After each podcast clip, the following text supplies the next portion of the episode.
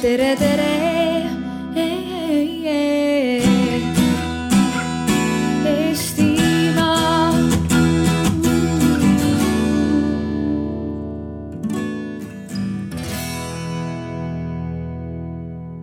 Kahe tuhande kahekümne esimesel aastal, seega siis seitsmeteistkümnendal oktoobril kaks tuhat kakskümmend üks. veel taustaks, rahvahääletus toimuks alates Riigikogu asjakohase otsuse tegemisest kõige varem kolme kuu pärast, siis eh, kolm kuud enne peab Riigikogu langetama otsuse selle, selles küsimuses. seega see otsus tuleks langetada hiljemalt Riigikogus eh, tuleva aasta seitsmeteistkümnendal juulil praktikas tähendab see siis ilmselt järgmise aasta kevadistungjärgu lõpul, seega vähem kui aasta pärast ja täna tahamegi rääkida sellest, kas eeloleva poliitika-aasta sisse peaks mahtuma lisaks kõigele muule siis, mis Eesti sees ootab, jõupingutus, et tuua eestlased ja eestimaalased arvamust avaldama ka mehe ja naise liidu üle. et, et see teema siis meie kõige kõrgemas seaduses fikseerida. mulle on alati meeldinud mõelda nii, et keerulistest asjadest peab lihtsalt rääkima, et kõik aru saaksid. ja head paneelis osalejad, oletame, et mina olen nüüd teiselt planeedilt siia Eestisse sattunud ja kuulen sellest plaanist plaanitavast hääletusest esmakordselt. esimene mõte, kas mehe ja naise abiellumine, abielu on Eestis kuidagi ohus? Lisaks sellele, et lahutuste arv on suur ja lahutatakse põhimõtteliselt Eestis ju praegu iga teine abielu. hea uudis on muidugi see, vaadates statistikat, et lahutuste arv on Eestis langenud Euroopa keskmisele tasemele. kui veel kakskümmend aastat tagasi oli Eestis lahutuste arv Euroopa üks, üks esirinnas olevaid, siis praeguseks oleme keskmiste seas. samal ajal on vähenenud ka abielude arv tervikuna.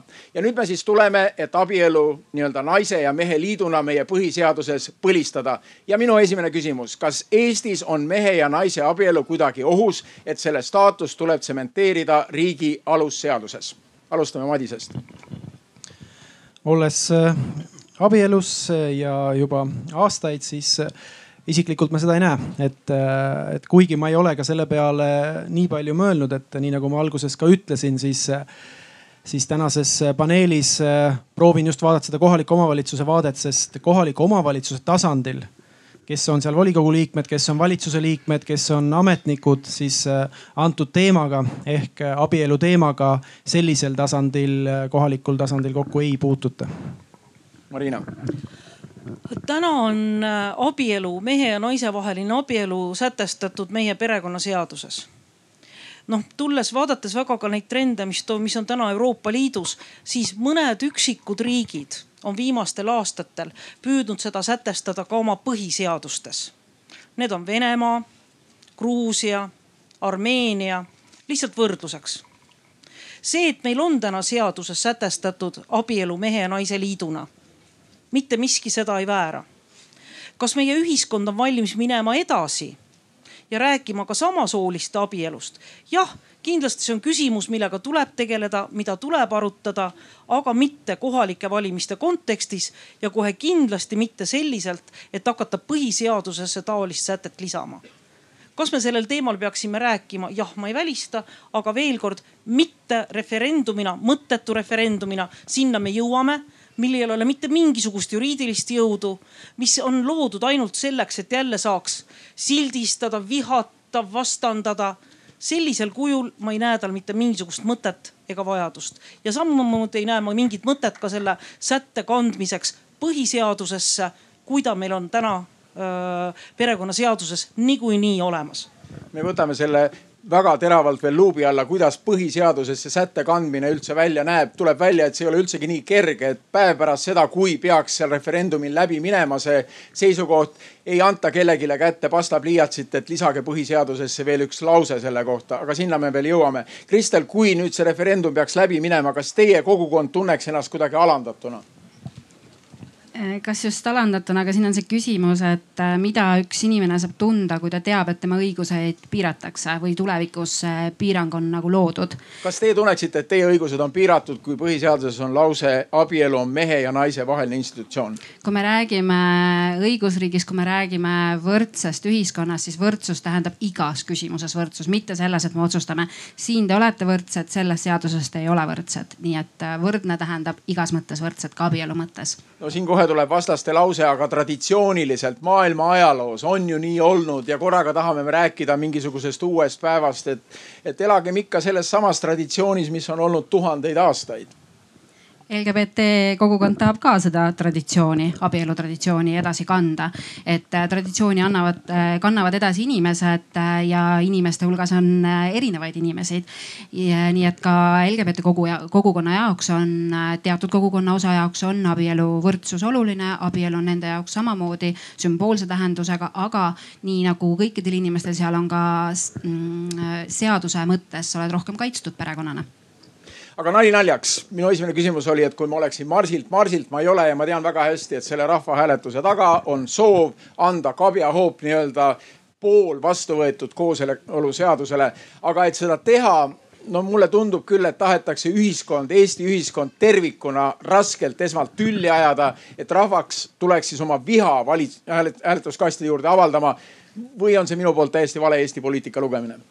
Marina nagu ma ütlesin, seda, et ühiskonnas arutletakse erinevate teemade üle, väga õige. Kui me vaatame teiste riikide praktikat, siis väga tihti on mindud samasooliste abielu Äh, seadus, seadusesse kirjutamiseni mõni aeg pärast seda, kui on seadusesse kirjutatud partnerlus ja kooseluseadus. ehk noh, Soomes näiteks võttis see ligi kümme aastat, äh, kui pärast partnerlus, kooseluseadust jõuti abielu seadustamiseni samasooliste vahel. ja see teema on olemas, seda teemat tuleb arutada, absoluutselt nõus aga millele mina vaidlen vastu, on kohalike valimiste kontekstis noh, Madis on kohaliku omavalitsuse esindaja, seal on olulisemaid küsimusi. mida ma pelgan? ma pelgan seda, et kui pööratakse tähelepanu ära tõesti kohalikel oma, kohalikel valimistelt olulistelt teemadelt on üks asi. aga teine asi on ka see, et ma juba kujutan ette, milliseks noh, vaenu õhutamiseks, sildistamiseks läheb. ma olen näinud seda täna Euroopas ma olen näinud, kuidas äh, Poola presidendivalimiste ajal nimetas presidendikandidaat, kes ka valiti presidendiks, LGBT inimesi äh, kommunistlik, võrdsustades kommunistliku režiimiga. Nad ei ole inimesed, nad on ideoloogia, nad on režiim. ma näen seda ja ma näen, et see võib teha Eesti ühiskonnale väga palju halba, aga ta võib teha Eesti ühiskonnale halba ka rahalises mõttes pärast seda, kui Poola hakkas tunnustama kohalikke omavalitsusi LGBT vabade piirkondadena mis minu jaoks assotsieerub juudi vabadusega, mida Eesti, mille üle Eesti, tolleaegne Eesti oli uhke teise maailmasõja ajal Eesti oli üks esimesi riike, kes deklareeris, me oleme juudi vaba riik. no Eesti ja nüüd, siis sakslaste juhtimisel. Saks-, Eesti, Eesti Vabariik Saksa okupatsiooni ajal. Täna me näeme, et samasugused trendid on ka LGBT inimeste suhtes. Poolas on linnad, kes kogukonnad, kes panevad välja silte ja on uhked selle üle, et nad on LGBT vabad. Kuidas nad seda kontrollivad, ma ei tea, kas nad piiluvad magamistubades, ma ei tea, aga nad panevad välja neid silte. Ja see trend on see, mis teeb mulle muret. Ja ma ei taha, et kohalike omavali-, kohalike valimiste ajal ja kampaania ajal, kui tuleks rääkida, ma ei tea, teedest, lasteaedadest, töökohtadest, hakkame me rääkima teisel teemal. Madis, siin on nüüd otsene avang sulle või või võimalus sulle sekkuda just oma teemadega. kohalikud omavalitsused, mida need tuleval aastal, äh, need valimised, mis peaksid olema peateemad? noh, tegelikult äh, Marina juba viitas nendele teemadele, et, et kohalikul tasandil ongi needsamad koolid, lasteaiad, äh, väga palju temaatikat selle ümber, kas väikestes piirkondades neid suudetakse hoida. kas need on neljaklassilised, kuueklassilised, üheksaklassilised, millised on teede olukord, tänavate olukord et, et mina ka antud teemal äh, rääkides ka siin täna ei tunne ennast, et, et see oleks kohaliku omavalitsuste valimiste teema, et, et nüüd need inimesed, kes seal kandideerivad või need inimesed, kes lähevad valima, et nad ühel või teisel moel peaksid sellel teemal ka veel hakkama, hakkama siis äh, kaasa rääkima. aga paratamatult, kui see valik nendele pannakse laua peale, siis sa pead selle endas peas läbi mõtestama ja, ja see viib äh, fookuse ära. lisaks. seal valimissedelil ilmselt nagu me arutasime, on see küsimus siis nagu nagu muu küsimusena, muu riigielu küsimusena siis seal sedelil, et otseselt ta neid kandidaate ei puuduta.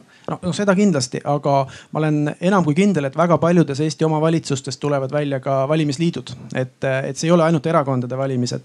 ja, ja selge on ka see, et need valimisliidud kas me tahame või ei taha, peavad andma ka selles küsimuses äh, varem või hiljem äh, erinevatele siis äh, ühiskonnagruppidele, erinevatele meediaväljaannetele vastused, et mida teie sellest küsimusest arvate. noh, mis ei ole tegelikult kohaliku omavalitsuse küsimus, et, et ma olen nõus, et, et kindlasti mina ei ole see kohtumõistja või ütleja, et kuidas on Eestis õige, et, et kui inimesed tahavad ja enamik rahvast otsustab, et mingites küsimustes tuleb, tuleb viia läbi siis rahvahääletus või mingi muu siis vorm, et saada mingit küsimustele teada. aga kindlasti see ei tohiks olla kohalike omavalitsuste valimiste ajal või vähemalt ta peaks olema siis sellisel juhul niiviisi tehtud, et ta ühelgi kujul ei riivaks kohaliku omavalitsuse seda põhifookust ja ei võtaks tähelepanu nendelt küsimustelt ära. võib, ma ütlen hästi lühidalt juurde, sest noh, tegelikult oht on ka selles, et ta võtabki tähelepanu ära sellepärast et noh, nii nagu kõigil on mingi arvamus ja see on väga hea pseudoteema et selle asemel, et vastata tõesti küsimustele, mis on lasteaiatasu, kuidas töötab hooldekodu, on nii lihtne hakata rääkima hoopis teistel teemadel ja tegelikult see oht on olemas, et äh, selle küsimuse küsimine äh, kohalike omavali-, kohalike valimiste ajal, ta kaaperdab need teised teemad ja need jäävad vastuseta ja väga hea on teistest kohalike valimiste teemadest kõrvale põigelda ja kõrvale joosta. Kristel, kas sa oled valmis selleks, et siin nüüd kutsutakse praktiliselt kõigisse paneelidesse järgneva aasta jooksul, kuna teie kogukond lükatakse ette, et teie pärast nüüd on Eestis, vot teie niimoodi eelistuste pärast peavad eestlased tulema ja, ja põlistama mehe ja naise liidu. ma olen valmis tulema paneeli, kes iganes kutsub no üks asi on see valmisolek, aga on see sinu arvates põhjendatud, et korraga oled, on äh, LGBT kogukond tähelepanu keskmes? Äh, ma nõustun eelkõnelejat, et äh, eelkõnelejaga selles osas tõepoolest, et loomulikult me peame arutama ühiskonnas nendel teemadel, aga kus ja kuidas. siin me kindlasti peame rõhuma ka sellele, et see ei ole rahvahääletus, see ei ole siduv. et see kahju, mis sellega tehakse, on ju veel suurem, et kui, kui küsitakse arvamust ja sellega ei minda järgmisi samme edasi, lõhutakse ka tegelikult demokraatiat ja usku demokraatiasse, usku riigi, riigi töösse. et sa saad avaldada arvamust, aga seda teemat näiteks edasi ei viidagi. et siis sul ongi see, et mis ma siis noh räägin kaasa, et see ei ole nagu näiteks oli meil Euroopa Liit. see puudutas meid kõiki, me kõik rääkisime kaasa, selle äh, rahvahääletuse tulemusena võeti otsus, äh, ühine otsus vastu ja me astusime Euroopa Liitu. et see on küsimus ühe väikse kogukonna kohta Eestis, millele ei tohi enamus rahvahääletuse kaudu arvamus avaldada. me võime uurida, mida ühiskond arvab, kus nad on, aga küsimus on, mis on selle eesmärk, mida me selle infoga teeme. kas see on see, kus me hakkame äh, mõtlema, et kuidas me nendest teemadest räägime, kuidas me püüame selgeks neid teemasid inimestel teha, aga me ei saa küsida inimeste käest, keda see ei puuduta. me peame küsima nende käest, keda see puudutab. no aga küsitaksegi nende käest, keda, kes, kes arvavad, et nende abielud on ohus või nende õigused on ohus. igaüks võib väljendada rahvahääletusel oma arvamust. see ei ole ju gei kogukonna teema Äh, jah. Teid lihtsalt torgatakse sinna ette praegu. jah, just äh, kuna seal on ikkagi see, see suund ja see, kuidas üles ehitatakse, on kindlasti sellele ühele väiksele kogukonnale, mis stigmatiseerib tegelikult seda kogukonda, see annab õiguse enamusele ikkagi öelda kaasa vähemuste teemal. kui ei oleks see küsimus äh, selle LGBT varjundiga, see oleks nagu teine, aga see on, see on, see on see, mida äh, seatakse enda poliitilise vankri ette. see võtab fookuse ära äh, KOV valimiste muudel teemadel, millest me siin juba rääkisime. et teie õõnestate Eesti, sina isiklikult äh, eesotsas õõnestate Eesti riiki ja seda head turvalist keskkonda, mis siin on. kuna te tahate ka siin olla? No võib-olla tõesti mõne jaoks selline mulje jääb, aga, aga nii see ju ei ole. Nii, aga kui see hääletus, sa ütlesid, et, et hääletatakse ja mis edasi saab, ei tea, kui see hääletus läheb läbi, läheb ta edasi Riigikokku ja sellega ju tahetakse põhiseadusesse muudatus kanda. tähendab, ma tahan, tahaksin nüüd just tuua arutellu Indrek Saare, kes, kellel me palusime natuke just valmistada ette seda, et mis siis edasi hakkab saama kas ta läheb kohe Riigikokku, kas ta läheb kohe põhiseadusesse, mis üldse hakkab saama, kui tõesti hääletatakse, et mees, naine, abielu ja peab olema põhiseaduses kajastatud. Indrek, lahka seda teemat siit edasi, kui see hääletus järgmise aasta oktoobris toimub, tuleb see tulemus, mis edasi saab? suure tõenäosusega ei äh, juhtu midagi, vaieldakse edasi. Äh, samamoodi need, kes. aga miks seda vaja on, kui me teame? kellel on poliitiline huvi see teema tõsta lauale ja sellest teha nii-öelda suur valimiste teema. Et nad kindlasti saavad apelleerida sellele, et, et, et vaadake, et rahvas tahtis, juhul kui rahvas tahtis, ega see on ka küsitav, et mida siis rahvas tegelikult tahab, juhul kui see hääletus seitsmeteistkümnendal oktoobril järgmisel aastal toimub. Aga selle jaoks, et muuta põhiseadust, et tegelikult põhiseaduses see muudatus teha, eh, tuleks riigikogu poolt otsustada põhiseaduse muutmine, panna rahvahääletusele millegipärast sul see juhe on, hirmsasti krõbiseb, et äkki sa võtad sealt kuidagi ära ta. nii, kui ma lähen siiapoole, siis krõbiseb vähem. nüüd kuuleb paremini jah, muidu ei kuule kõik, aitäh. aga see, millest koalitsioonilepe räägib, on siis muu riigielu küsimus, kus inimesed vastavad jah või ei, mis tõepoolest ei ole kuidagi riigikogu jaoks siduv.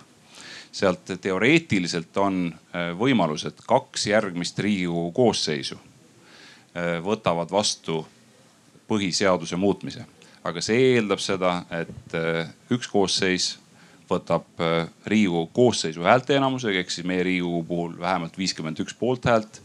ja, ja sellest järgmine riigikogu koosseis ilma mingeid muudatusi tegemata võtab täpselt sama teksti vastu kolmeviiendikulise häälteenamusega, ehk siis selle jaoks on vaja juba kuuskümmend üks häält.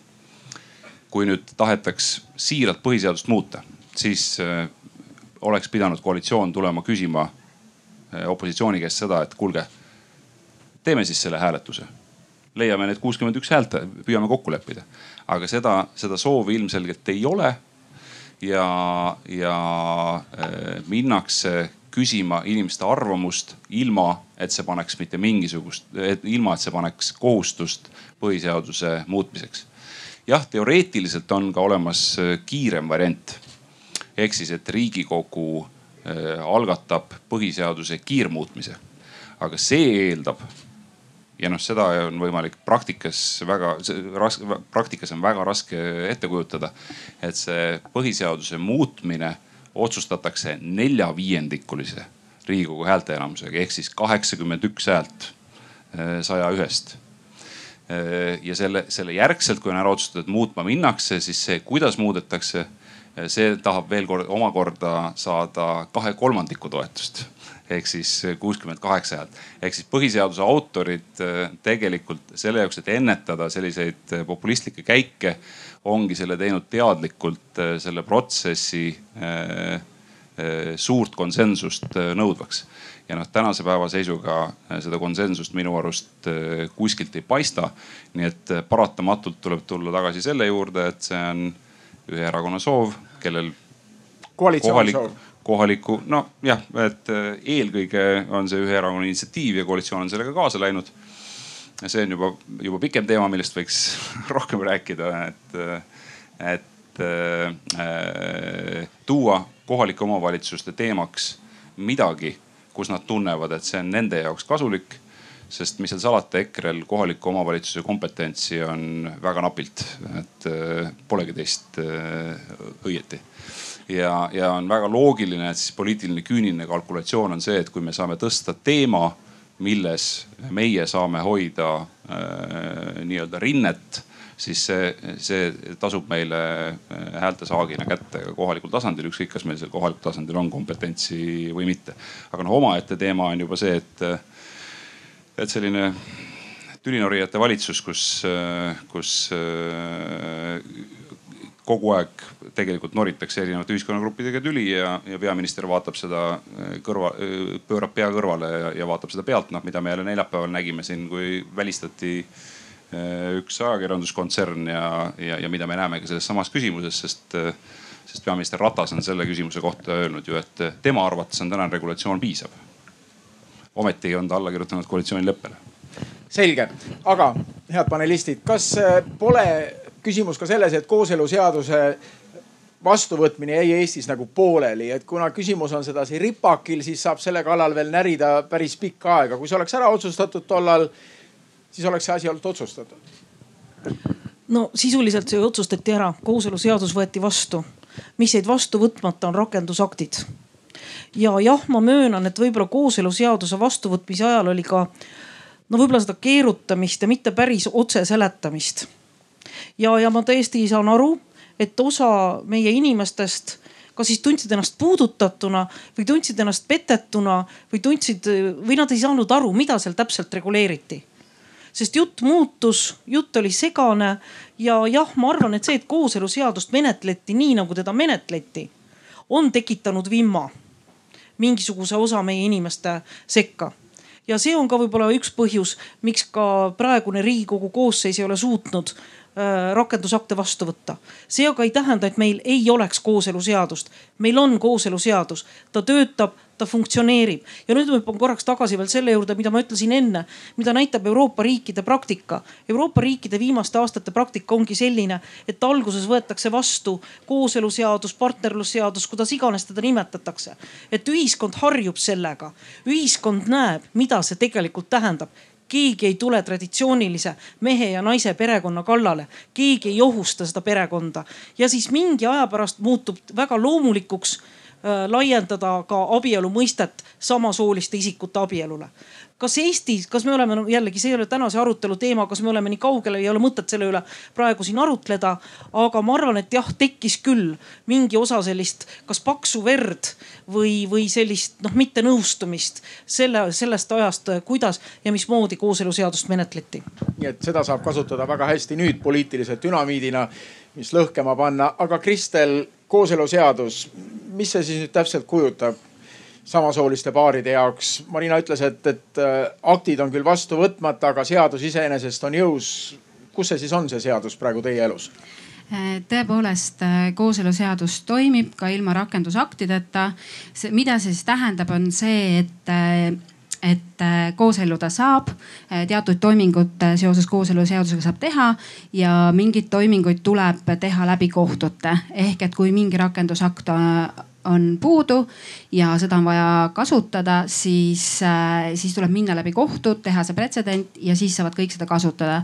noh, näitena võib tuua seda, et kui sa oled abielus, siis saab äh, olla lapsega kodus sotsiaalkindlustusega teine partner siis nii kaua kuni seitsmeaastane vist oli, kui laps on seitsmeaastaseks saab. nüüd on koosellujatel tekkis ka selline esimene paar, kes samamoodi tahab seda õigust, et üks partner saaks olla kodus, kuni laps saab teatud vanuseni ja samas, et tal oleks see sotsiaalkindlustus olemas, siis tuli see teha läbi kohtu, sest rakendusakti ei olnud, mis ütleks, et nii on aga kohtu kaudu sai? just ja kohtu kaudu sai ja nüüd saavad kõik järgmised paarid. lihtsalt on selline see paar, kes äh, jõuab esimesena mingi errorini kuskil seal, et mingi rakendusakt ei tööta, siis nemad kahjuks peavad otsustama, kas nad on valmis minema kohtusse ja seda tegema. Äh, esimesena, saaksid teised järgi tulla sellele, et ta on ikkagi just ja see on emotsionaalne, ta on kulukas, siinkohal on äh, loomulikult meil olemas ka inimõiguste keskus, kes strateegilist hagelemist teeb, kes aitab neid paare, aga ta on ikkagi emotsionaalne teekond võib-olla, et kas, kas see paar just on alati valmis minema? Aga kui nüüd põhiseadusesse, riigi ülemseadusesse kirjutatakse mehe ja naise abielu pühalt sisse kas see kooseluseadus siis muudab mingil määral, see ei tühista ju kooseluseadust? ei, see ei tühista, see kooseluseadus võib olla, et äh,. no milleks et... me siis mängime sinna ülesse seda, et me lihtsalt tahame näidata veel kuidagi teile nina alla rõhutada, et ei ole need päris Ehm, see pigem on, äh, see on äh, tõesti ka natukene traditsiooni küsimus, et me teame riike, kus äh, paarid, ka heteropaarid otsustavad abielu asemel valida just partnerlus või kooseluseaduse just seetõttu, et neid ei kõneta abielu institutsioon. küll on aga see, et abielu institutsioon ja kooselu institutsioon täna Eestis ei ole võrdsed mingite seaduste ees, et, et kui sa abiellud, siis sul on tervikpakett olemas, sa ei pea muretsema oma laste pärast, oma äh, majanduspoole pärast oma partneri pärast, kui on vaja haiglas teha otsuseid, mitte midagi. kooseludes see päris nii lihtne ei ole, sa pead täpselt teadma, et äh, kooseluseadusega sa ei saa raha, äh, varalist poolt äh, kohe kaasa, sa pead tegema eraldi lepingu selle jaoks, et kuidas tehakse lapsendamine, et kui peres on lapsed, et mõlemad saaksid olla vanemad, ei ole automaatselt, tuleb lapsendus läbi teha ja kõik sellised, et see ei ole tegelikult turvaline, seal on ikkagi selliseid auke, mis on täitmata. isegi kui need rakendusaktid on vastu võetud, siis nad on tõenäoliselt võrdsemad aga kooseluseaduse detailidesse me ei süvene. kuid sa tõid juba sellesse arutellu ka välisdimensiooni, Marina on seda rõhutanud. räägime siis natuke, mis mujal maailmas toimub. minu peafookuses on muidugi Ameerika Ühendriigid, kus ma elasin ligi kakskümmend viis aastat ja seal gei teema lihtsalt tehti ära.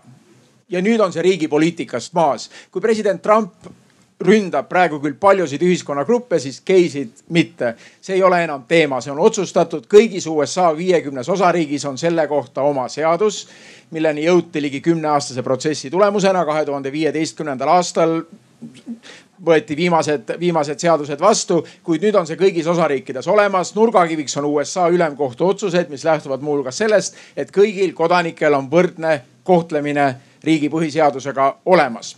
ja huvitav, Ameerika evangeelsete kristlaste, Trumpi tuliste toetajate huvi on pigem naiste abordiõigus ära keelata, mitte üldsegi see kooseluõigus. mis toob jälle sellesama teema, et kui üks asi ära otsustatakse riigi poliitikas ja poolele teele ei jää, siis see teema on maas.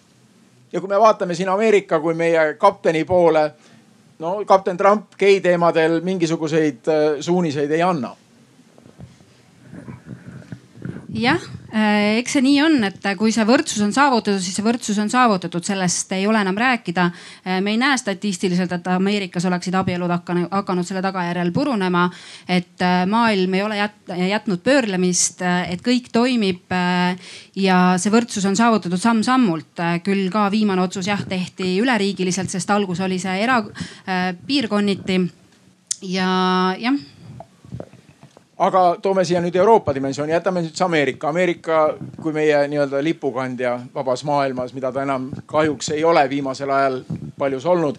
aga see on eraldi teema, aga Euroopa riigid nagu Poola ja Ungari, mis on siis sel teemal väga kõnekalt, väga sõnakalt võtnud, võtnud seisukohti. Marina juba rääkis natuke nendest, kas need on siis meie eeskujud praegu siin? noh, kui me ütleme meie, siis kes on meie? Äh, minule. meie ma... oleme Eesti, meie olemegi me Eesti. nojah, kui ma vaatan, kui ma vaatan Poola ja Ungari arenguid, siis ma väga loodan, et ka meie praegusele valitsusele nad ei ole eeskujuks sellepärast, et kui me näeme seda, kuidas need mõlemad riigid on praegu demokraatiast eemaldunud ja eemalduvad, siis vastupidi, see peaks meile, see peab, peaks meile muret valmistama. ja täna Euroopa Parlamendis me hakkame arutama järgmist Euroopa Liidu eelarvet. Euroopa Liidu eelarve seitsmeks aastaks, kaks tuhat kakskümmend üks kuni kaks tuhat kakskümmend seitse mis, toome kohe koju tagasi, tähendab meile otsest raha. mis, mis tähendab raha, me oleme osa Euroopa Liidust, me maksame sinna sisse, me saame sealt raha ka äh, tagasi. me oleme saanud seda suhtena, ma ei tea, üks euro neljale eurole, nüüd võib-olla üks euro kolmele eurole, milline see suhe on. aga Eesti saab Euroopa Liidu eelarvest rohkem raha, kui ta sisse maksab nüüd need riigid, kes on hakanud välja tulema, nagu ma enne nimetasin, LGBT free, äh, LGBT vabade linnadena või kogukonda, kogukondadena on oma esimesed vitsad juba kätte saanud. paar nädalat tagasi otsustas Euroopa Liidu komisjon mitte eraldada raha kuuele Poola linnale see oleks olnud äh, piiriülese koostöö fondist ja just seetõttu, et seal äh, piiratakse LGBT inimeste õigusi. konkreetne rahaline hinnalipik ehk Euroopa Liit on liikunud praegu sinna, et sellest kahetsuse avaldamisest ja nördimuse avaldamisest ja pahameele avaldamisest on liigutud konkreetsete rahaliste summadeni. tahate olla Euroopa Liidus, tahate saada Euroopa Liidu raha, siis palun täitke neid kohustusi, täitke neid väärtusi, täitke inimõigusi, mida te Euroopa Liiduga liitudes võtsite kui te seda ütlevad... ja kui te seda ei tee, siis te raha ei saa. ehk nüüd ma panen selle laiemasse konteksti, et mina ei välista, et kui nüüd tuleb uus Euroopa Liidu eelarve aastateks kakskümmend üks kuni kakskümmend seitse, siis sinna tulevad sisse sätted, mis ütlevad üheselt Euroopa Liidu aluspõhimõtete, inimõiguste, demokraatia reeglite rikkumise puhul eelarve väheneb või toetused projektidest vähenevad ja noh, vähemalt Euroopa Parlament kindlasti selle küsimuse tõstatab ja juba ka tõstatas. praegu, kui me oleme alustanud läbirääkimisi järgmise Euroopa Liidu eelarve üle, kus Euroopa Parlament on võrdne läbirääkija valitsusjuhtidega, on juba öeldud, et sellisel kujul nagu praegu on eelarve välja pakutud, Euroopa Parlament seda heaks ei kiida ja me oleme teinud oma muudatused, oma ettepanekud, ka see, mis puudutab demokraatiat ja inimõigusi. nii, vastaspool Euroopa liberaalid, nende väärtushinnangud, meie siin tahame elada nii, nagu me ise tahame. aga hea küll, me ei saa täpselt nii elada, nagu me ise tahame. meil oli rahvahääletus, kus me ise tahtsime Euroopa Liitu saada ja nüüd Euroopa Liit, see ongi meie enda territoorium. et kummaline, kui räägitakse, et nemad seal otsustavad ja suruvad meile peale mingeid asju. aga me ise olemegi siin, see ongi seesama Euroopa Liit, kus me oleme. aga seda ma ütlengi, ma olen Euroopa Parlamendi liige ja mina osalen samamoodi eelarve läbirääkimistel ja need on meie põhimõtted. kui ma ütlen meie, siis ma mõtlen Euroopa Liidu põhimõtteid. astudes Euroopa Liitu kaks tuhat neli olid konkreetsed Kopenhaageni tingimused, mis puudutasid inimõigusi, mis puudutasid äh, turumajandust, mis puudutasid õigusriiki. üheselt kirjas, me nõustusime kõige sellega me nõustusime Euroopa väärtustega, me nõustusime sellega, nende põhiväärtustega, millel Euroopa Liit seisab ja sellest ei saa taganeda. aga kui me taganeme, me oleme seal ju vabatahtlikud. ja siis me ja siis mina, mina võitlen selle eest, et nii kui kahju see ka ei oleks, siis minu riik, kes hakkab petma kes hakkab taganema sellest, mida ta on lubanud, saab ka vähem rahalist toetust. istugu siis üksi perifeerias ja saagu üksi hakkama ja ta lähebki sedasama teed, nagu lähevad praegu Poola ja Ungari. meie kätes on see ära muuta et meie riik ei muutuks järgmiseks Poolaks või järgmiseks Ungariks. aga Madis, kui te nüüd istute seal perifeerias kuskil eemal ja ootate pärast kohalike omavalitsuste valimisi uusi initsiatiive ja raha ja nii edasi ja, ja no tänu sellele, et valimiste keskmesse tuli hoopis teine teema, seda raha ei tulegi. kuidas me seda Eestit siis edasi arendame? Kuulates, kuulates seda diskussiooni ja arutelu, siis see, see ongi võib-olla kõige suurem see hirm, et, et nendes kohalikes rahvamajades, kultuurimajades, olgu nad suuremad või väiksemad asulad, et, et tekivadki need debatid, mis jälle ma kordan juba ennast, võtavad fookuse ära nendelt teemadelt, mis tegelikult on seal hetkel kohalike omavalitsuste kontekstis äh, olulised.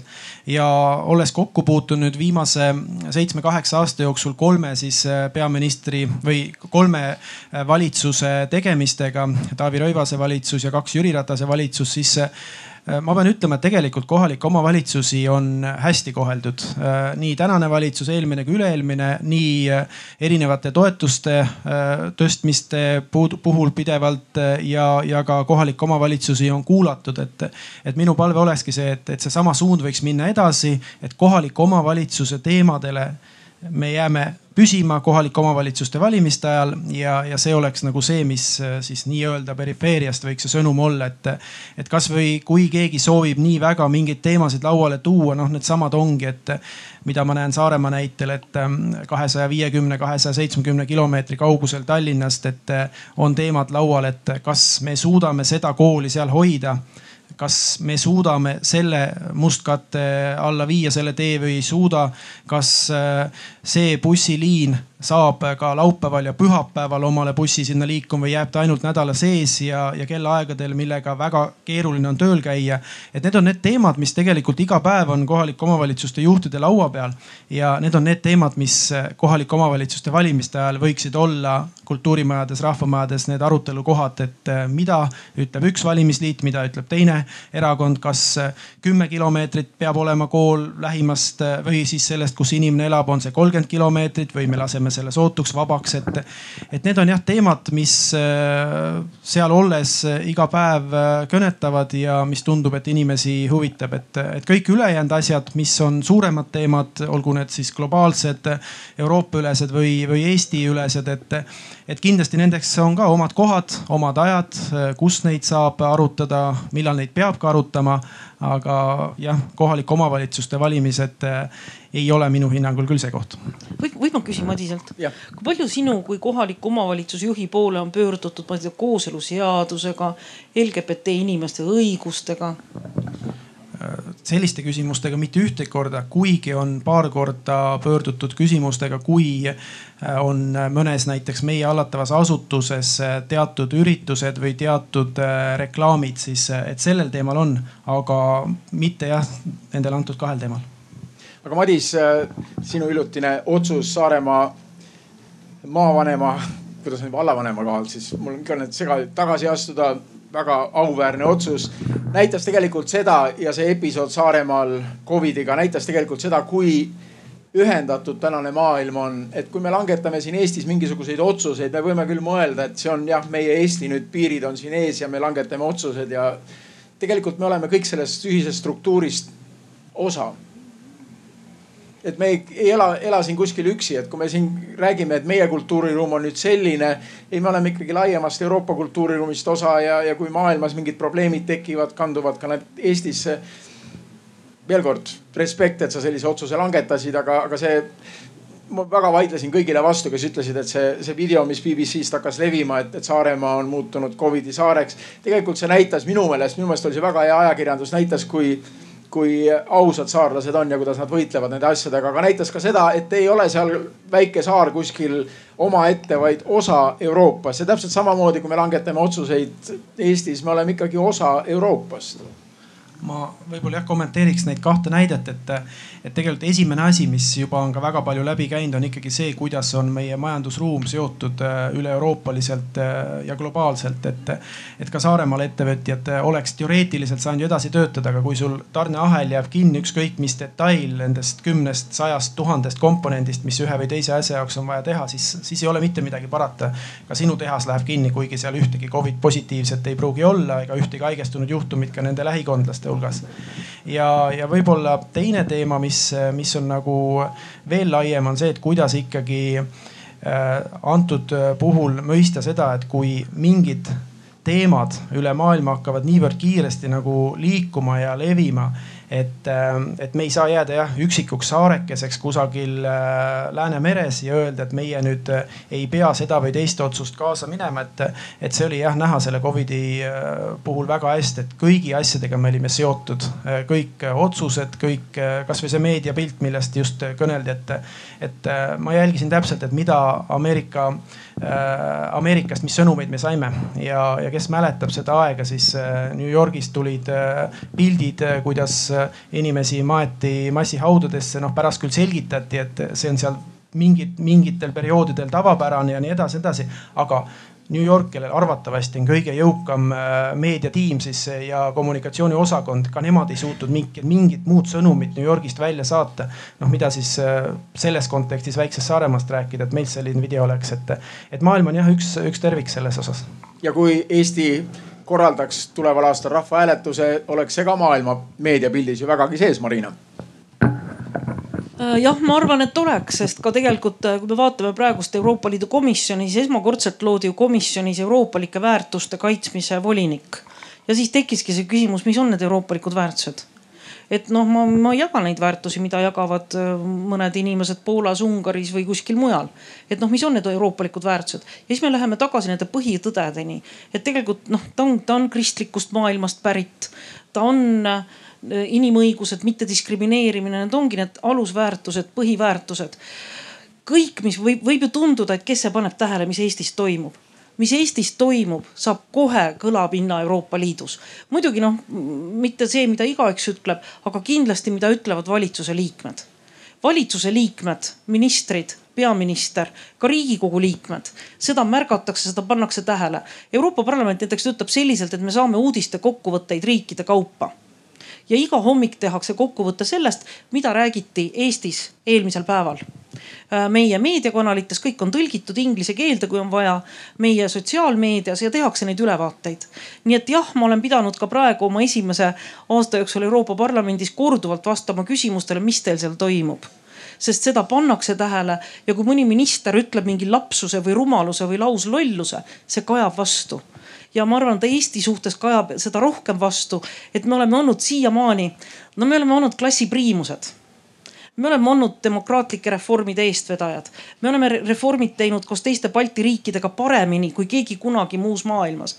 me oleme innovatsiooni vedanud oma e-riigi ja e-teenustega, me oleme maailmas pälvinud väga palju kiitust ja, ja praegu just need trendid, mis Eestis toimuvad, needsamad küsimused, küsimuste, küsimuste esitamine, jah, see pälvib rahvusvahelist tähelepanu, jah, seda märgatakse, jah, see lööb Eesti maine pihta.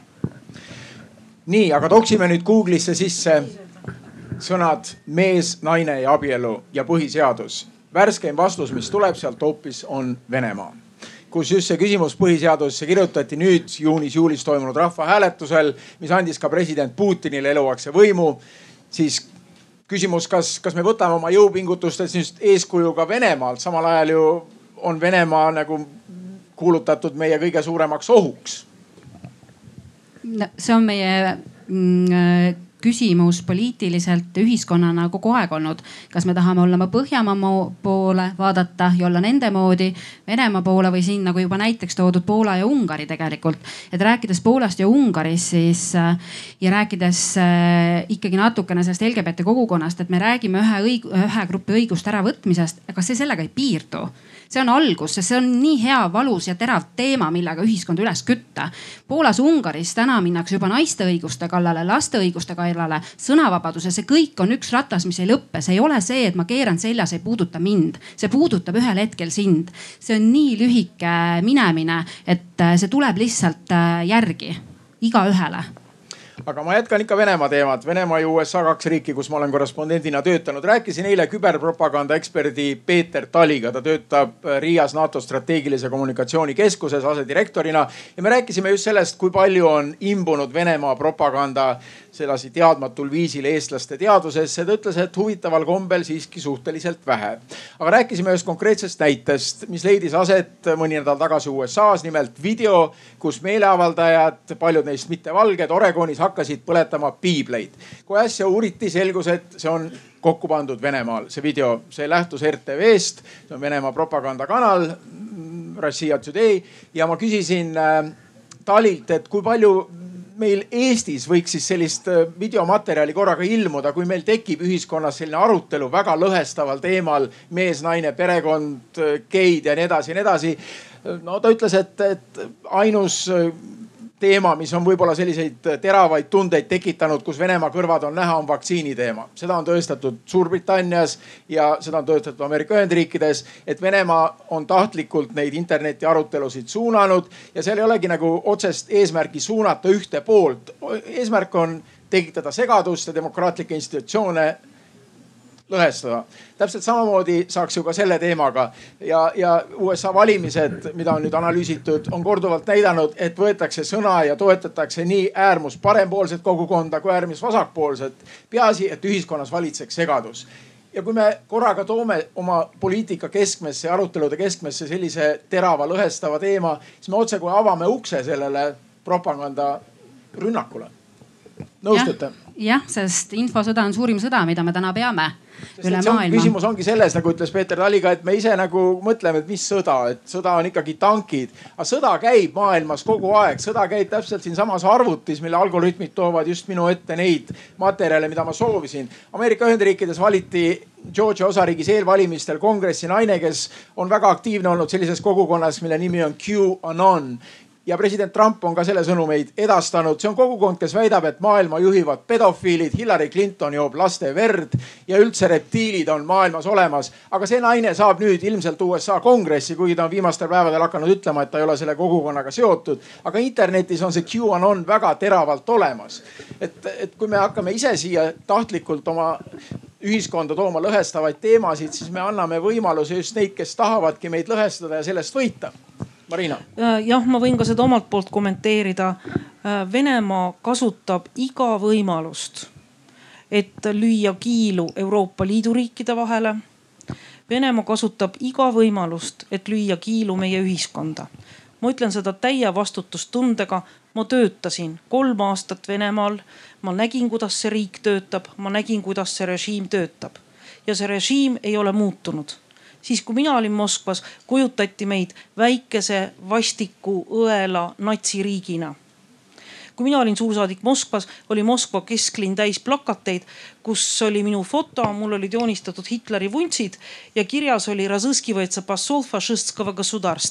Neile, kes vene keelt ei oska, kirjas oli, et tagaotsitav fašistliku riigi suursaadik. ja see hakkas mängima meie mainel kaasa, ongi natsiriik ja, ja, ja söövadki venelasi hommikusöögiks ja vihkavadki. ehk Vene propagandamasin on eduk-, ma ei taha seda öelda, aga ta on edukas, ta töötab hästi, ta kasutab iga võimalust, mis tekitatakse ja kui me vaatame praegu sotsiaalmeediat, kui me vaatame ka, ma ei tea, kuidas deepfake'i praegu eesti keelde tõlgitakse. Äh, deepfake, need videod, mida moonutatakse. kui me vaatame neid ja kui me kujutate ette, et kui pannakse mõne Eesti poliitiku suhu mingisugused jäledad sõnad ja see on tehtud deepfake'ina niimoodi, et sa ei saagi aru, on see tõsi või on see vale. see oht on väga-väga suur. sotsiaalmeedia on andnud täiesti uue tööriista valeinfo levikuks. ja noh, paraku jällegi see ei puuduta tänast arutelu, aga kui me vaatame näiteks, keda toetasid Eestis elavad valgevenelased äh, Valgevene valimistel, siis Eesti valgevenelased läbi kogu maailma toetasid kõige rohkem Lukašenka režiimi. Mis tähendab, et Vene propaganda töötab väga hästi siiamaani. Ja me ei ole kõik selle suhtes immuunsed ja me oleme, me ei ole kõik piisavalt teadlikud, et teha vahet miks see uudis on välja läinud, kes on ta välja pannud, kelle kasu, kelle, kelle kasudes see uudis on välja pandud ja analüüsida seda tagapõhja. nii et kindlasti hakkab tulema äh, valet, valeinfot, laimu, kindlasti hakkab tulema uudiseid selle kohta, kuidas kiusatakse taga LGBT ühis, äh, inimesi äh, isegi kui neid diskrimineeritakse, see paisutatakse kordi-kordi suuremaks. kindlasti püütakse meist mängida Euroopa Liidu paaria Euroopa Liidus. nii et seda kõike on järgmise aasta jooksul kindlasti oodata. ja veel üks väike viide Venemaale pere ja õiguste teema on Venemaa propaganda keskmesse tõusnud juba viimastel, ütleme kolmel aastal, kui mina sealt Venemaalt ära tulnud tulin, siis üks viimaseid lugusid, mis ma tegin, oligi see, et Vene majadele, mis on siis Venemaa kultuuriesindused üle, üle maailma, antigi ülesanne just nimelt korraldada pereväärtuste õhtuid, pereväärtustele rõhuvaid üritusi. see on küll väga õilis ja ilus ja tore, aga aga selle taga on väga spetsiifilised poliitilised kalkulatsioonid, tundub. nii et see ei ole kõik niisama et tundub küll, et ühelt poolt räägime, aga no me tahame Eestis siis meil teatud poliitilised ringkonnad tahavad selle küsimuse tuua hääletusele. teeme nüüd oma arutelus veel viimase, viimase ringi, enne kui avame oma arutelu siis ka laiemale ringile. Inglise keeles on nimi, ilus nimi Q and A, küsimused-vastused, eesti keeles oleks siis KB, küsimused-vastused. aga kui nüüd see tõepoolest toimub, et äh, otsustatakse, et see küsimus tõuseb valimistel ja, ja mis siis hakkab saama?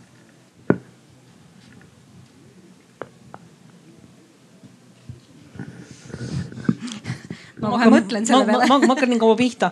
kõigepealt ma väga loodan, et see on, mina näen veel võimalust, et seda küsimust ei panda äh, kohalike valimiste päevakorda, sest jälgides praegu Eesti poliitikat, jah, EKRE on selle taga, Isamaa ilmselgelt lõhki, Keskerakond vait mis tähendab selleks, et seda küsimust panna ka sellisel noh mõttetul ja juriidiliselt mittesiduval kujul hääletusele, peab otsus olema tehtud Riigikogus järgmise aasta kevadel sinna on veel kaheksa-üheksa kuud aega, kaheksa-üheksa kuud saab seda, selle teema üle trummi lüüa ja ma siiski ei välista, et võib-olla tuleb mõistus pähe ja seda küsimust referendumile ei panda. Kui ta pannakse sellele libareferendumile, siis ma... libareferendum? selles mõttes ei, ei, ta on libareferendum selles mõttes, et ta ei täida referendumi ülesannet ta on lihtsalt arvamusküsitlus, nii nagu me võiksime siin küsida, kas Eestis tuleks lõpetada liha söömine või kas kõik peavad olema Eestis veganid, see on samasugune küsimus. ta, ta on lihtsalt huvitav. no kuule, mees, naine ja abielu. aga ta on samasugune küsimus, huvitav küsimus, aga ta ei, ta ei too kaasa mitte mingisugust äh, juriidiliselt siduvat tagajärge. nii et sellepärast ma nimetan teda libareferendumiks siis ma lihtsalt soovin, et meie inimestel oleks piisavalt mõistlikkust, mitte joosta kaasa hüsteeriaga sellel teemal vaid jätta ikkagi kohalikud valimised kohalike vali, kohalikele teemadele ja ka selle kampaania ajal keskenduda kohalikele teemadele, nendele teemadele, mis peavad olema kohalike valimiste keskpunktis. Jah, et äh, ma loodan ka, et see aasta, mis äh, võiks olla veel jäänud äh, selliseks perioodiks, kui lüüakse sisuliselt esimesed esimesed nimekirjad kohalike omavalitsuste valimistel äh, lauale, et, et tuleks ka välja neid kohalike omavalitsuste teemasid, olgu see kasvõi kaks, äh, kahe elukoha märkimine, kus inimene saab siis enda äh, tulumaksumaksu näidata. olgu see mingisugune tervishoiu teema, mis kohaliku omavalitsuse tasandil, olgu see hooldekodude teema, mis on kohalike omavalitsuste temaatikas ja kohalike omavalitsuste koha pealt äärmiselt oluline.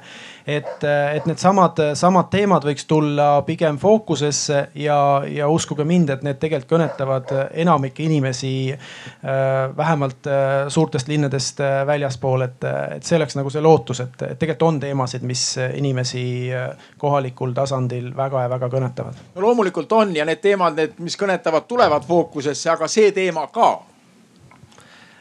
paraku on nii, et äh, vaid üks, üks teema saab olla fookuses number üks ja, ja see on see hirm, mis, mis minul isiklikult on, et ka täna siia jalutades vaatasin, kes on võrkpalliga kursis, et, et Venno ja Kollo mängisid siin paaris võrkpalli ja ma ei teadnud, et selline asi siin täna on, et äh, jäin korra sinna vaatama, et äh, tahaks ka näha ühed Eesti parimad võrkpallurid, aga, aga täna on ka teine asi siin, et arvamusfestival, kus, äh, kus ma lubasin, lubasin natuke rääkida, et, et ei saa kahte asja, et, et, et üks asi saab olla fookuses, üks asi saab olla see peamine, üks võitja saab olla, üks, üks esimene saab olla, et, et see on see. Kristel mm. -hmm. mina ka väga ei muretse selle küsitluse pärast, ma rohkem muretsen seda, et mida see meie ühiskonnaga teeb. et äh, kuidas see lõhestab, tekitab seda viha, et, äh, et kui me räägime riigikogu valimistest, äh, siis me näeme, et et äh, kooseluseadus on olnud vaieldamatult üks äh, fookusteemasid, isegi siis, kui ta ei ole fookuses. et äh, kui see läheb kohalikule omavalitsusele ikka sinna rahvahääletuse hulka, siis ta kindlasti võtabki fookuse teema endale, kuigi ta seda ei ole. ja see tegelikult lõhestab meie ühiskonda, mitte siis ainult selles osas, et me räägime abielu teemadel, vaid ka selles osas, et tuletame meelde, et KOV-ides saavad valida, siis jaga, jaga, hakatakse ukse peal inimesi jagama, teie lähete siia, kes te saate valida, aga ei saa rahvahääletuse teemadel kaasa rääkida ja siis teie lähete sinna, kes te saate. ja see juba ka samamoodi lõhestab meie enda Eestis elavaid inimesi, et ka see pool on see, millest me peaksime rohkem rääkima ja endale teadvustama. väga hea mõte meiepoolse arutelu lõpetuseks ja nüüd siis arutelu koos teiega, head kuulajad siin. kuulajaid on päris palju, kes soovib rääkida, palun tõstke käsi. keegi saab võib-olla seda mikrofoni siit äh, äh viia palun tutvustage ennast ja siis konkreetne küsimus. Äh, tervist, ma olen Kristiina. Äh, aususe mõttes ütlen, ma olen Kristeli kolleeg Eesti LGBT Ühingus, aga ma olen ka inimene, keda see teema konkreetselt puudutab isiklikult. ja kui me räägime siin äh, sellest, et mis, mis, kuidas Eestit hakatakse kohtlema näiteks Euroopas, kui me valime mingisuguse tee, tee, kas siis diskrimineerimise või mingisuguste sammude näol. et, et see majanduslik äh, reaktsioon võib-olla tõesti kõnetab mõnda inimest või mingisuguseid äh, ühiskondlikke kihte, aga samas äh, noh, nii palju kui ma tean inimpsühholoogiast, siis karistus tekitab rohkem trotsi kui tahet äh, midagi uut nagu vastu võtta ja siis selle, selle poolt järsku olla. aga sinu küsimus? kohe jõuan selleni. just äh,, et äh, mis äh, minu meelest või minu silmis on suuresti puudu, on see, et, et miks need väärtused siis, mida me siin praegu selle paneeli näol ja nagu noh, mina kaasa arvatud, et mida me väärtustame, et miks need ikkagi olulised on, et see selline üldhariduslik ja nagu rahvahariduse osa on selles mõttes suures osas puudu. ja minu küsimus siis võib-olla oleks see, et kes teie meelest seda tegema peaks Äh, võib-olla isegi, kuidas seda tegema peaks äh, ja, ja milliseid äh, tulemusi see võiks anda?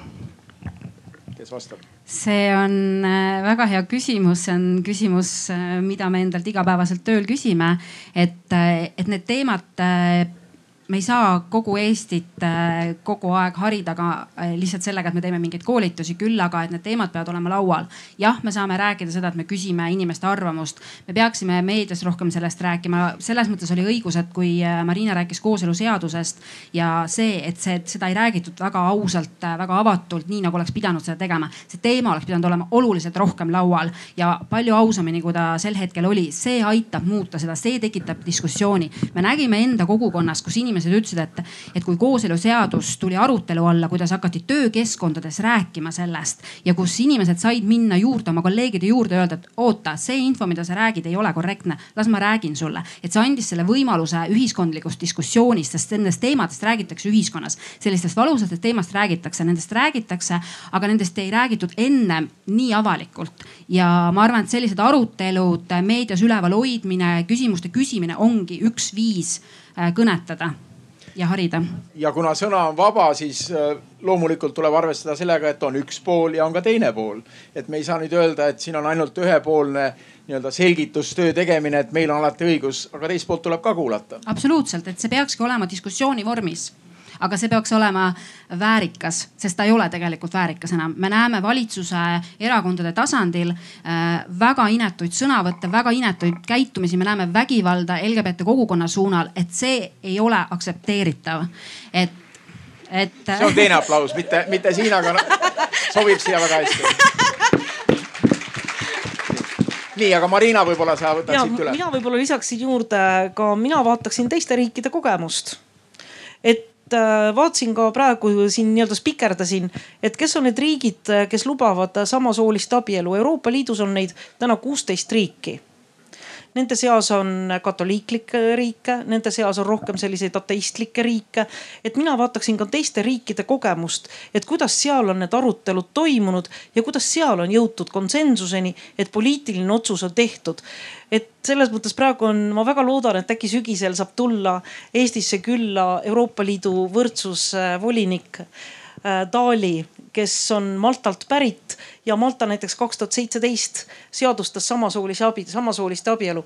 mul oleks huvitav kuulata, et kus toimus see hüpe, kus toimus see muutus ühiskonnas, kuidas jõuti selleni, et mind huvitab noh, lisaks konkreetsete inimeste lugudele, konkreetsele harimisele ka teiste riikide praktika. aga hallo, meie fookuses ei ole üldsegi see samasooliste abielude teema praegusel hetkel, me räägime referendumist, mida plaanitakse mehe, naise ja abielu üle nii, aga küsimus oli, kuidas harida rohkem Just. Äh, sellel teemal. aga siin ongi täpselt. ja hea, kes hea ja mina lisasin sellest..., mina lisasingi siia, et Just. mina kuulaksin väga palju ka teiste riikide arvamust ja esimene, keda ma tõesti tahaksin kuulata, ongi volinik Dali kes on Maltalt pärit, Eestiga sarnane riik, noh väike riik selles mõttes, et kuidas toimus see diskussioon seal, kuidas nemad suutsid poliitilise kokkuleppeni jõuda Just, ilma referendumita. aga see ilma sinu vastus näitab ilusti ja see arutelu näitab ilusti, kui libe on see jää, et me toome nagu ühe küsimuse päevakorda, tegelikult me lõpuks räägime hoopis muudel teemadel, mis õhutavad hoopis muid emotsioone ja viha. aga võtame veel küsimusi, palun. tervist, minu nimi on Tiit. küsiksin niimoodi, ka siiski minu küsimuse lähte-eeldused kaks. esimene on see, et selgelt selline ei siduv ega nõuandev referendum eh, seksuaalvähemuste küsimustes ei ole õigustatud, eks nõus paneeliga ja teine lähtepunkt on see, et Eestis on äh, riik ja kirik lahutatud. ja nüüd tuleb küsimus, et kuna Eesti on suhteliselt äh, noh usuleige maa ja paljud noored äh, rõõmsalt elavad koos pikka aega ja ei fänni väga oma abielu vormistamist, eks ole. ja, ja noh, seda rida võib jätkata, tähendab kas, kas me võiks sellele asjale läheneda nagu brändingu vaatevinklist, et okei okay, judaism ja, ja eks ole niimoodi mainstream traditsiooniline kirik on brändinud seda äh, abielu kui naise ja mehe elu, eks ole, ja nüüd kes seda veendumust jagavad, need on muidugi nördinud, kui keegi tahab nagu seda brändi laiendada, võtta üle, eks ole, aga kas niisugust stiili ei saaks teha, et äh, tõepoolest nõuda seda, et äh, kõik need kooseluseadust puudutavad rakendusaktid rakendakse sellises ulatuses, et õiguslikult äh, on äh, kooseluseaduse alusel koos elavatele erineva orientatsiooniga inimestele äh, tagatud täpselt samasugused õigused nagu kristlikus abielus olevatele inimestele ja las siis kiriku sees nad klaarivad seda asja edasi. minu andmetel Soomes nad senini ei ole lõpuni kirikus klaarinud, kes laulatab ja kes ei laulata, eks ole las need kogukonnad seal äh, klaarivad siis seda edasi ja, ja lõpetame selle jutu põhiseadusest. aitäh kas selline lahendus oleks, paluks, kes vastaks no,? väga libedale teele minek on hakata kiriku asju kommenteerima, aga kuna te nimetasite Soomet ja, ja just äsja oli, ma rääkisin päris pikalt äh, Kirsti Narisega, mäletate, kes oli Soome saadik Eestis, kes läks ära ja tema ütles, et äh, äh nendel päevadel Soomes kiriku kogu või mis iganes institutsioon see on, arutas seda samasoolist abielu ja otsustati, et on lubatud registreerida või kiriku poolt ka tunnustada samasoolist abielu. Ei, ei, ei, kui siia, kui see oli vahepeal keelatud ja ütleme, need õpetajad, kes seda tegid, langesid põlu alla või neid tauniti, siis nüüd on see põlu alla langemine ära kukkunud ja Soome kirikus on see nüüd lubatud, vähemalt seda ütles Kirsti mulle natuke aega tagasi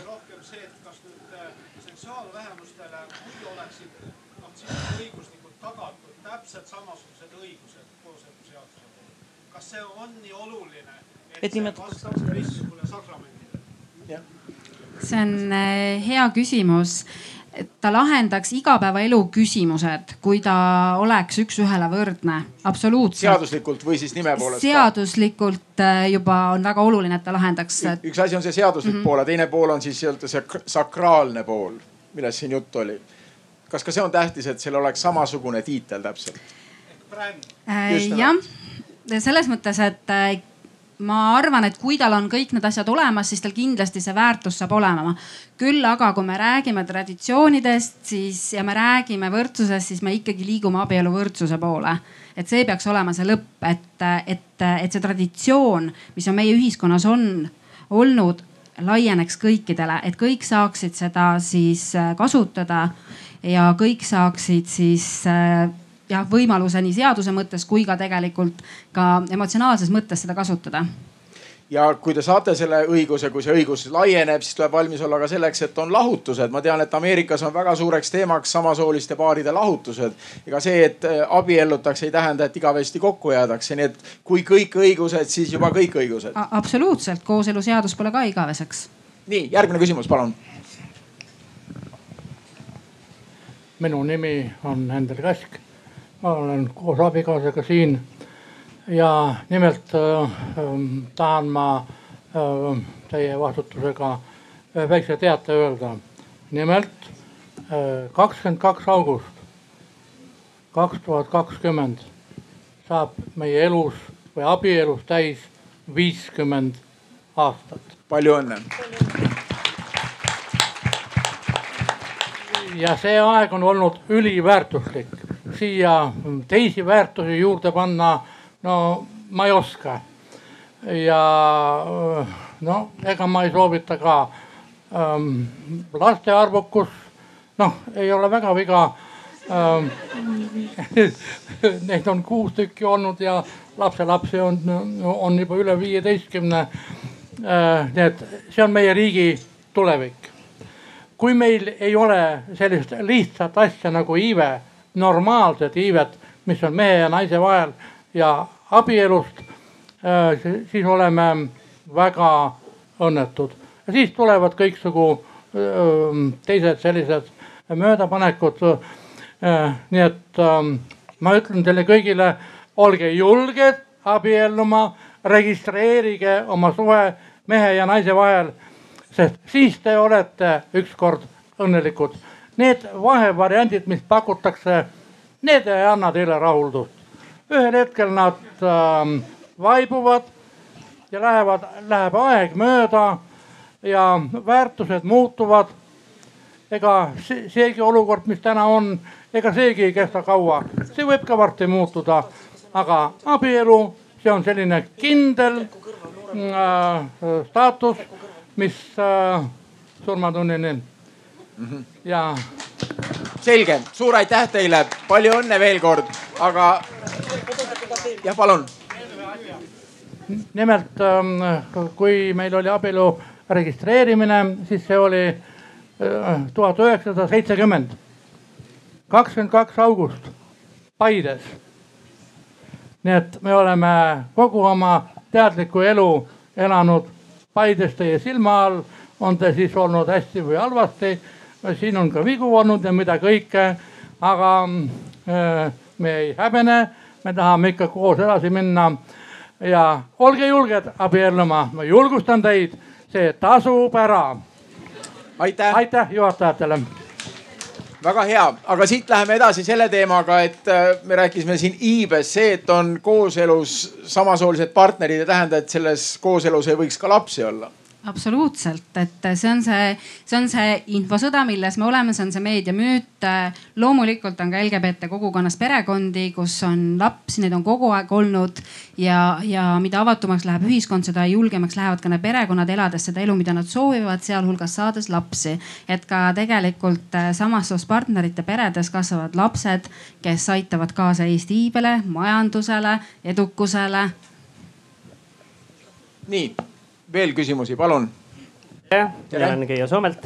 Ähm, kui meil oli kooseluseaduse äh, debatt, siis, äh, siis kooselu vastu äh, valdavalt võtsid sõna poliitikud ja selle poolt võtsid valdavalt sõna kultuuritegelased, ühesõnaga kõik muud kui mitte poliitikud täna on samamoodi, et noh, valimised on poliitikute vaheline võitlus, eks ole, kui ma vaatan viimast kolme-nelja aastat, siis äh, kui me räägime LGBT teemast, siis poliitilisel areenil räägib sellest ainult üks erakond ja see on see, kes on asjade vastu. ehk siis minu küsimus on, et kuigi see tasapisi muutub, aga üldiselt on mu küsimus, et äh, miks meie liberaalse või pigem liberaalse poole poliitikud kardavad seda teemat ja miks nad ei julge avalikult teha neid noh statement'i, et äh, me toetame seda. et noh, nad tulevad küll LGBT ühingusse, nad tulevad X-paari, räägivad, et jaa, me toetame teid. aga avalikult, kui neilt ajakirjandus küsitakse, siis on mingi no jah, jah, pigem jah. aitäh, Marina. mina kui ainuke poliitik äh, siin laua taga. ma arvan, et see on väga õige küsimus. ja noh, noh, ma ei saa vastata kõigi poliitikute nimel sellepärast ma olengi siin, sellepärast ma kuulungi Euroopa Parlamendi LGBT toetusgruppi, sellepärast ma teengi avaldusi ja sellepärast ma räägingi kaasa, et see teema on mulle oluline ja ma olen, nagu ma ütlesin, igasuguse diskrimineerimise vastu. aga ma möönan, et teil on õigus et äh, poliitikud väga tihti hoiduvad sellel teemal kaasa rääkimast ja hoiduvad sellel teemal oma arvamust avaldamast. noh, kui ma nüüd, kui ma nüüd tohin laiendada, siis ma võin öelda, et sotsiaaldemokraadid on kohe kindlasti see erakond kes on igasuguse diskrimineerimise vastu ja kes seisab LGBT äh, kogukonna eest või LGBT inimeste eest samamoodi nagu seistakse noh, ma ei tea, iga üksiku inimese eest äh, Eestis. aga noh, siin on ka erakonna esimees, et kui ma nüüd läksin kaugemale, kui ma tohin, siis erakonna esimees parandab, aga ta naerab ja noogutab.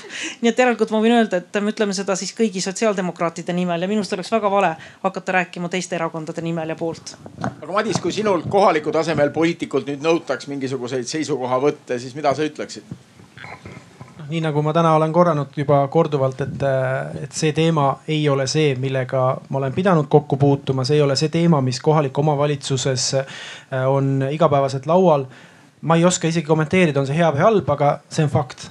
ja, ja samamoodi neid teemasid võiks ju tuua veel, et noh, Saaremaa puhul näiteks, kui keegi küsib, et äh, Rail Balticu vastu või poolt, noh no ei oska kommenteerida. et see ei ole teema, millega meie vallavanem, äh, linnapead kõik tegelema peavad, et, et, et jah nii, nii ta on, et, et mina tegelen sellega, mis on kohaliku omavalitsuse korraldusega seotud igapäevaselt ja oskan siin kommenteerida. nii, on veel küsimusi? palun. tule ligemale. jah, palun. et mina olen äh, Paul Koppel, olen rahvuslane, tavaliselt äh, just selle seltskonna oponent. ja mis mind praegu nagu häirib, on see, et siin pole ühtegi inimest, kes teile praegu oponeeriks siin, siinsamas. et ei ole olemas siin ühtegi nagu teist seisukohta, vaid see on lihtsalt üks äh, kõlakoda. et äh, mina näiteks ei saa aru, mõista seda, et miks pärast peab äh, hirmutama mingisuguse vene kaluga. miks peab äh, ütleme, väitama sihukeseid asju, et äh,, et me peame tooma mingisuguseid uusmoode sisse, sellepärast et see on mingi euroopalik väärtus. ei, ma ei ole neid sõnu kuulnud siin täna. et see on nagu. Marina, teie olite, kes paneeli kokku panite vastus sellele küsimusele, kas. aga, aga meil ongi praegu need kolmkümmend minutit, palun, teil on mikrofon käes, oponeerige oponeerige, põhjendage, aga ma tuletan teile meelde, et see küsimus on, kas see äh, rahva, äh, kas sellel libareferendumil kohalike omavalitsuste kontekstis on mõttekas panna üles küsimus perekonna defineerimine Eesti põhiseaduses. ja me, te kuulsite argumente kus me argumenteerisime, miks me ei pea seda mõistlikuks. Teie võite öelda siis vastu ja ma teen seda rõõmuga. Äh, loomulikult ükskõik milline oluline küsimus äh, rahva käest küsituna on oluline. Äh, praegu ma vaatan seda, et näiteks, et just sotsiaaldemokraatidel on nagu sihukene väikene hüsteeria, et aga miks te toote sellega välja, et te rikute nad teatava meie võimaluse ära. seepärast, et see on oluline küsimus tegelikult päris suurele osale inimestest väga suurele osale. kui suur see osa siis on, see on alati tore rääkida suurest osast inimesest, kes need suur osa siis on? kes need suured osad on, nagu ka võtame kasvõi EKRE osa ei ole sugugi väike, rahvuslaste osa ei ole sugugi väike ja neid, neid teisi kogukondasid on veel. näiteks mina ei mõista seda asja nagu just näiteks LGBT püüab seda probleemi vähendada, et aga see ei puuduta ju mitte kedagi. tegelikult, aga puudutab küll, see puudutab minu enda väärtusmaailma. Miks ma pean nõustuma sellega, millega ma nõus ei ole? millega te nõus ei ole? no näiteks seesama, see uus moega, näiteks minu arust on LGBT inimestel täpselt samasugused õigused nagu absoluutselt kõigil teistel Nad nõuavad praegu eriõigusi. aga ei jõua ju, hoopis teine Mis pool nõuab õigu, eriõigust ja abielu. kõikidel inimestel on õigus näiteks nagu siinsamas see vanahärra tal oli õigus vastassoost inimesega abielluda ja, ja väga hästi. aga keegi ei ole keelanud tal seda. jah, keegi ei ole keelanud seda, aga sama õigus on absoluutselt kõigil. me, me ei räägi vastaspoole abielust, vaid me räägime perekonna loomisest. inimõigus on perekonna loomine, kõikidel peredel ei ole võimalik seda võrdselt luua niimoodi, et nende perekond oleks kaitstud, selles on küsimus nii, aga see on omaette arutelu teema. väga tore, et ütlesite oma arvamuse. kes tahab veel küsida? nii, siin on veel kaks küsimust, palun käed püsti, palun. paluks mikrofon sisse. Äh, ma tahaks omalt poolt öelda seda, et, äh, et kogu aeg on see, et on nagu üks pool ja on teine pool. aga minu arvates peaks olema ka neutraalsem pool.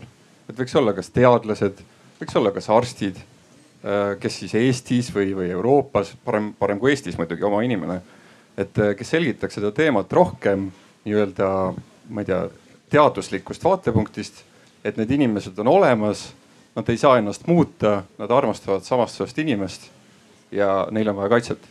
et äh, praegu on nii, et on nagu üks pool ja teine pool, aga kus on neutraalne pool? Ma olen hästi nõus sellega, minu küsimus on ka, kus on neutraalne pool, et töötades igapäevaselt Eesti LGBT ühingus, me oleme suures hädas otsimaks just neid inimesi, kes äh, tulenevalt siis oma ametialast annaks neid kommentaare ja suhtleks inimestega, teeks selgeks neile selle, eh, selle teema, mida tähendab armastus mis on LGBT just sellest äh, vaatevinklist, mis siin just välja. jälle triivime me oma teemast kõrvale. meie teema on, kas hääletusele panna küsimus abielu mees ja naine kohalikel valimistel. aga väga tore, et te oma arvamuse esitasite. siin on veel üks arvamus. ma lihtsalt tahtsin öelda seda, et, et see on äh, noh, see puudutab otseselt sellega, et, et inimesed äh, tahavad referendumit sel teemal, et kas mees ja naine võivad siis nagu abielu ainult luua aga armastus võib olla ka samasoost samast soost inimeste vahel ja kui loodus seda niimoodi teinud on, siis ei oleks nagu riigil õigus öelda, et see armastus ei ole nüüd õige armastus. sest see armastus on isegi teadlaste hinnangul sama tugev, võib ka sama püsiv olla, et, et nagu noh, et keegi võiks olla, kes nagu neutraalselt seda selgitaks. jah, ma olen nõus, et see on et see on osa sellest diskussioonist, mis meil on tegelikult puudu, et, et neutraalsed inimesed avaksid neid, neid teemasid nii, veel üks küsimus. aitäh, olen Taimo Einberg ja tulen Lääne-Virumaalt ja nüüd räägime asjast, mitte ei räägi aiaaugust, nagu siin on kombeks rääkida teil. küsimus oli, et miks pannakse hääletusele kohaliku omavalitsuse volikogu valimiste päeval ja vastus on väga lihtne, et sotsid ja oravad ei oska raha lugeda sest selle kohalike omavalitsuste valimine maksab sama palju kui rahvahääletus ja sellisel juhul valitsus praegu hoiab rahvahääletuse raha kokku ja teeb selle kohalike omavalitsuste valimiste päeval.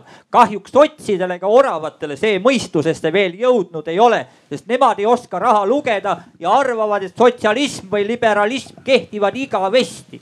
aitäh teile selle arvamuse eest. aitäh selle arvamuse eest, nii. kas kommenteerite?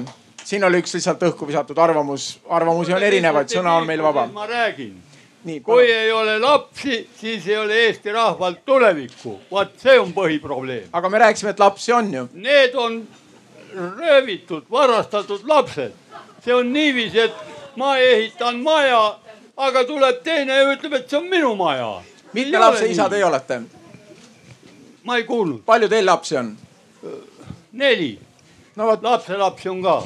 te armastate neid kõiki, samamoodi ja. armastab Kristel oma lapsi jaa, absoluutselt, ei ole röövitud. tulid küll. kus kohas? seal, ta on seal kuskil kärus. võib-olla pärast räägite edasi, kust see laps täpselt välja tuli, aga laps on olemas. aitäh teile selle arvamuse eest. nii, kas on veel arvamusi? aga ma arvan, et meil oli siin juba päris tore, tore diskussioon ja õhtu on, õhtu on saabumas. üks küsimus veel, teeme siis viimase küsimuse sealt, palun mina olen Kertu ja mul on kogu seda diskussiooni kuulates, mul on tekkinud see hirm, et kui ma võtsin lahti palju eelmistel kohalikel, kohalike omavalitsuste valimisel, mis oli valimisaktiivsus, siis kohale läks umbes natuke rohkem kui viiskümmend protsenti valimisõiguslikest inimestest. ja kui me paneme nüüd selle küsimuse sinna kohalike omavalitsuste valimisega samale päevale, põhimõtteliselt samale üritusele, siis mul on see hirm, et inimesed, kelle jaoks selle põhiseaduse, põhiseadusesse sellise muutuse tegemine on oluline. Nad on rohkem motiveeritud kohale minema ja ütlema, et jah, see muudatus on oluline aga need inimesed, kes ei mõtle selle peale igapäevaselt, kelle jaoks ei ole oluline, kas meil on põhiseaduses abielu just mehe ja naise vahel või ei ole. ma kardan, et neil on ka vähem viitsimist kohale minna ja öelda, et ei, see muudatus ei ole oluline, sest et miks öelda, et midagi ei ole oluline ja seega sellega ei tule mitte midagi teha, kui noh, tundub nagu natuke sihuke, ei ole nii motiveeriv tegevus võib-olla. ja seega minu küsimus ongi, et kas te jagate ka sedasama hirmu, et inimesed, kes ütlevad, et jah, see muudatus tuleks ellu viia, on motiveeritud ja häälekamad oma seisukohta esitama kui need, kes ütlevad, et seda muudatust pole vaja. teisisõnu, kuidas teie mobiliseeriksite oma jõude? jah, meil ühingus töötades see hirm on me näeme seda Eestis äh, selle teemaga tegeledes ja kuidas inimesed ikkagi on leiged sellel teemalt sõna võtmast, nagu ma just hetk tagasi rääkisin, arvamusriid, neutraalseid arvamusriideid raske leida. inimesi, kes arvavad, et see on okei okay,, nad ütlevadki, et see on okei okay,, miks ma peaksin seda ütlema. et jah, see on meie hirm ka, et kui see läheb sinna rahvahääletusele, et siis ei tulda välja ütlemaks, et ei, me ei muuda põhiseadust. me ei taha, et see oleks selliselt määratletud. Marina, kuidas teie mobiliseeriksite? ma arvan, et äh, Kertu, sul on õigus, et pigem tulevad välja need, kes radikaalselt lähevad millegi vastu või toetavad nagu jah, kes, kes lähevad äh, referendumil ütlema, et nad äh, pooldavad seda põhiseaduse kandmist. ja tegelikult äh, siis on tegemist ju nende petmisega. sest nagu me enne rääkisime, see referendum ei tähenda juriidiliselt mitte midagi ja kui see tulemus saab nüüd olema, milline iganes see tulemus saab olema, siis hakatakse otsekohe tõlgendama seda hakatakse tõlgendama, seda hakatakse edasi ajama, seda hakatakse edasi tutvustama, edasi analüüsima, edasi lõhestama. et mis iganes see tulemus sealt tuleb, see on halb juba ette, sest see annab võimaluse veel rohkem lõhestada ühiskonda. nii et mida teha? ma arvan, et äh, ma, nagu ma ütlesin, ma praegu ei ole veel lootust kaotanud, et seda küsimust ei panda kui see küsimus pannakse, siis lihtsalt tulebki inimestele seletada, et see on õhk mida teile müüakse. See on mõttetu referendum, sellest ei muutu mitte midagi. ja kui ta jääb, no siis paluda oma toetajaid, et minge ja öelge välja kui te lähete ja te osalete kohalikel valimistel, palun minge ja öelge oma arvamus, et ta jääks kõlama, et ta näitaks, mis on siis Eesti ühiskonna enamuse arvamus, kuidas see arvamus jaguneb, et oleks mingisugunegi tõetruu pilt sellest. ja ma olen kindel, et kui see tõetruu pilt oleks, siis oleks valdav enamus neid, kes seda referendumit ei toeta ja seda, selle küsimuse poolt ei hääleta teate, aga siin me ei saa üldsegi suuri ennustusi teha, sest me ei tea üldse, mis tuleval aastal toimub. see, et meil toimub siin Eestis arutelu ilma maskideta, see on paljude jaoks maailmas täiesti erakordne. kellega ma siin rääkinud olen Ameerikast, Rootsist, samuti Kreekast näiteks Berliinist. no mis mõttes te ei kannagi maske? meie maailm on niivõrd kiiresti muutumas, me ei saa suuri ennustusi teha, aga oma seisukohad ütlesime välja kõlas teisi seisukohti ja ilmselt see arutelu Eestis jätkub, kuid äh, punkt on siinkohal meie arutelule nüüd pandud. punkt on maha pandud ja siia paneme nüüd oma arutelule ka punkti. aitäh teile, kohtumiseni